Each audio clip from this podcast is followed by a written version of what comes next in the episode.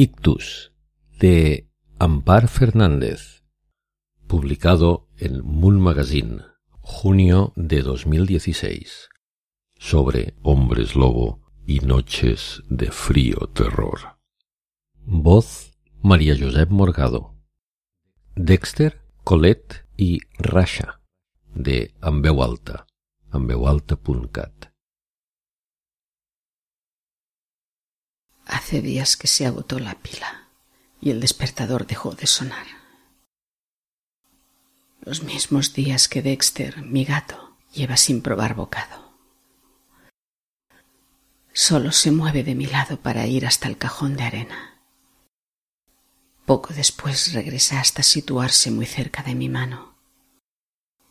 Espera una caricia que no puedo darle. No comprende por qué no he abierto todavía una lata de comida, ni le he llenado el bol con algo comestible que saco de una bolsa verde brillante.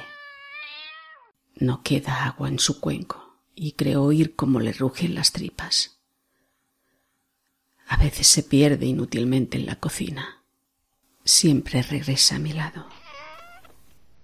Cada vez está más inquieto. Me lame las manos dedo a dedo Sube hasta mi cuello, humedeciéndolo con la lengua y me sacude la cara con la cabeza.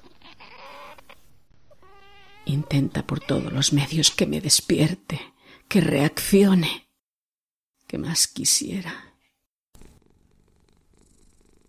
Dexter ronronea junto a mi oído derecho cada vez más fuerte, pero yo no consigo moverme. No sé ni si parpadeo. No puedo hablar ni alargar la mano. Aunque pudiera hacerlo, a estas alturas también el móvil debe estar descargado. Dexter da vueltas en torno a sí mismo. Sube y baja de la cama, mordisquea mis manos, tira de mis dedos, de las mangas de mi pijama, lo intenta con los dedos de los pies. Duele. Está desconcertado y hambriento.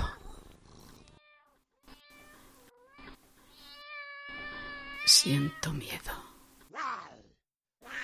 De nuevo se acerca a mi rostro. Muerde mi nariz, mis labios. Tira de mi carne y la arranca.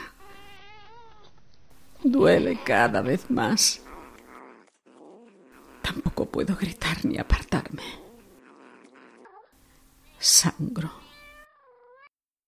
Sube hasta mis ojos. No creo que pueda soportarlo.